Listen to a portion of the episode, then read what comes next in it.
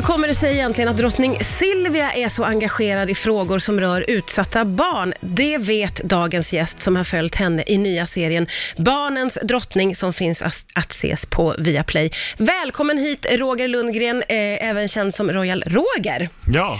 Du eh, måste berätta om den här serien. Vad är det, vad handlar det om för någonting? Ja, det handlar ju verkligen om drottningens eh, stora liksom, eftermäle, om man får kalla det för det. Det är Ja. hennes, hennes kamp för utsatta barn runt om i världen. Du, eh, hur började egentligen drottning Silvias engagemang för de här frågorna? Alltså det var så här, eh, för att göra en lång historia kort, så var det så att på 90-talet så var det en diskussion i Sverige huruvida man skulle förbjuda innehav av barnpornografi eller inte. Alltså konstigt nog så var det lagligt att inneha barnporr. Eh, fastän det var ju såklart olagligt att förgripa sig på barn. Ehm, och det var ett stort lobbyarbete från olika barnrättsorganisationer gentemot riksdag och regering och de fick liksom inget gehör för det här, konstigt nog. Och till slut så gick de upp till drottningen och de visade henne material och hon blev ju såklart förkrossad och eh, förbaskad och gjorde en rätt uppmärksammad intervju om det här. Och då blev det en stor diskussion eh, där många politiker faktiskt var arga på henne för de tyckte att drottningen som en opolitisk person ska inte prata politik. Medan hon menade, ja men det här är ingen politisk fråga, det är en humanitär fråga. Nej.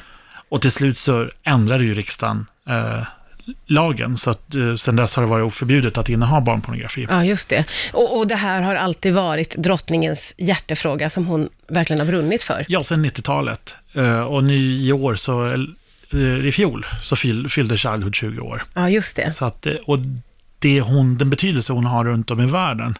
Va, hur är den? Hur kan du beskriva vad hon betyder runt om? Ja, alltså det är ju så att, jag menar FNs generalsekreterare, han beskriver våran drottning som världens modigaste kvinna och det ska vi svenskar vara stolta över. Även om man nu kanske inte tycker om monarkin som institution, så måste man se den insats hon gör runt om i världen de här frågorna. Och jag säger det till henne i serien också, att eh, eh, drottningen har ju gått från att vara galjonsfigur till att vara experten som talar. Och hur liksom har den resan varit?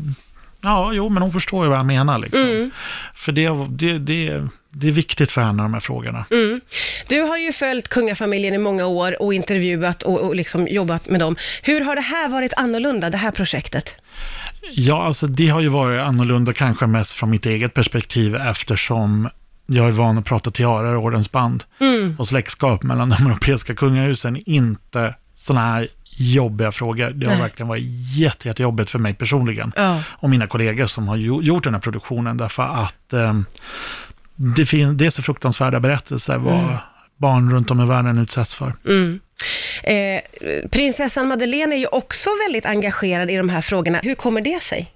Alltså, hon säger ju det själv, liksom, att vi har blivit indoktrinerade. Ja, de är uppvuxna de, de är med. uppvuxna med det och de har ju haft eh, den viktiga samlingspunkten för familjen har varit söndagsmiddagarna. Och drottningen har drillat dem. Um, kungen sa en gång när, hon, när drottningen fyllde år att han fick childhood till frukost, lunch och middag. Yes.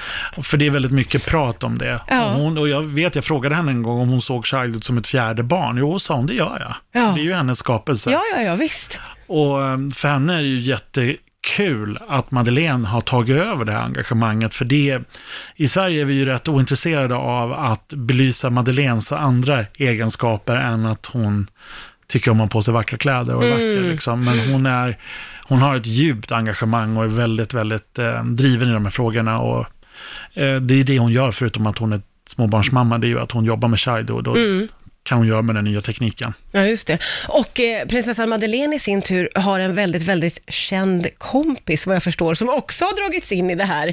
Eh, Hollywood-kändisen Malin Åkerman, eller Ja, hur? just det. Precis. Jo, Malin Åkerman är lite en inofficiell ambassadör för Childhood. Ja, det är så? Så vi träffade henne, vi var på en eh, filminspelning med henne i Boston, eh, som hon gjorde för Netflix. Så det var, hon är en jätte, jätterar människa och mycket större utomlands än vad jag kanske hade förstått. Ja, ja, ja. Och också då en viktig person i det här, Ja, men- förstår jag ju. I USA är det ju så att celebrities eh, öppnar dörrar för olika sådana här frågor. Ja. Och, eh, Childhood är ju unik i världen eftersom det är kungligt drivet eh, engagemang i väldigt tuffa frågor som andra kanske inte har velat röra så mycket i. Men hur vanligt är det att kungligheter har den typen av engagemang, tänker jag nu, i andra kungahus i världen? I, idag är det ju det. Ja, det är det. Men, men det är ju också så att, och jag har ju haft förmånen att intervjua Rania av Jordanien och eh, Mary Danmark, Maxima Nederländerna. Alla de här yngre drottningarna och kronprinsessorna, de säger ju det. De kan driva de här frågorna tack vare Silvia i Sverige. Därför att de, hon har öppnat dörren och banat väg för dem. Gud, hon har verkligen gått i bräschen. Det är ju det är ju väldigt imponerande, får man ändå säga. Mm. Var det någonting som förvånade dig när du eh, jobbade med den här serien och fick jobba så nära drottningen och prinsessan, Roger? Ja, kanske både ja och nej. Alltså, jag, det, var, det, var väl, det är väldigt speciellt när man får komma till exempel på Soliden. Nu har jag varit där några gånger förr, säger jag lite så här skrytsamt, men, men, men det är väldigt speciellt att få komma till Soliden och få filma med dem och kungen är med och fixar så här. Vad och, fixar han då? Nej, men han bär stol och bordar och, Gör han det? bord och stolar och hämtar vatten och sådär. Och det är väldigt engagerad. Ja. Så det, det är väldigt informellt när man är där på sommaren. Eh, Okej. inte alls som det när man är på slottet, för där är det väldigt, väldigt högtidligt. Ja, ja. ja men okej, så, så du har liksom också fått glutta in lite bakom då, på något sätt i deras vardagliga liv. Hur är det? Ja, men det är väldigt speciellt. Självklart. Ja. Men som sagt var, vi har ett väldigt fint samarbete sedan väldigt många år. Ja. Och det är ett ömsesidigt förtroende som man bygger upp liksom. Och det tar tid att göra det. Eh, Jag tänker att det måste vara svårt för kungligheter att, att liksom, även om man vill, att visa de där sidorna som är de vanliga, eh, käka frukost i nattlinnesidor. Alltså det, det finns ju vissa saker, det måste vara svårt. ja, alltså kungligheter får inte vara för vanliga, därför Nej. då blir ju, vad ska man ha dem till? Nej, just det. Då, då kan man ha familjen Wahlgren istället. Liksom. Och det har vi ju också, ska gudarna också. Mm. veta. Ja, verkligen. Ja, ja, men vad spännande och, och, och viktigt eh, eh, samtidigt, måste jag säga. Den här serien, den heter alltså Barnens drottning eh, och blir man nyfiken på den, då finns hela på Viaplay att se. Ja, och den går på TV8 ibland också. Ja. Håll utkik efter det. Tack snälla Roger Lundgren för att du kom hit idag. Mm, tack.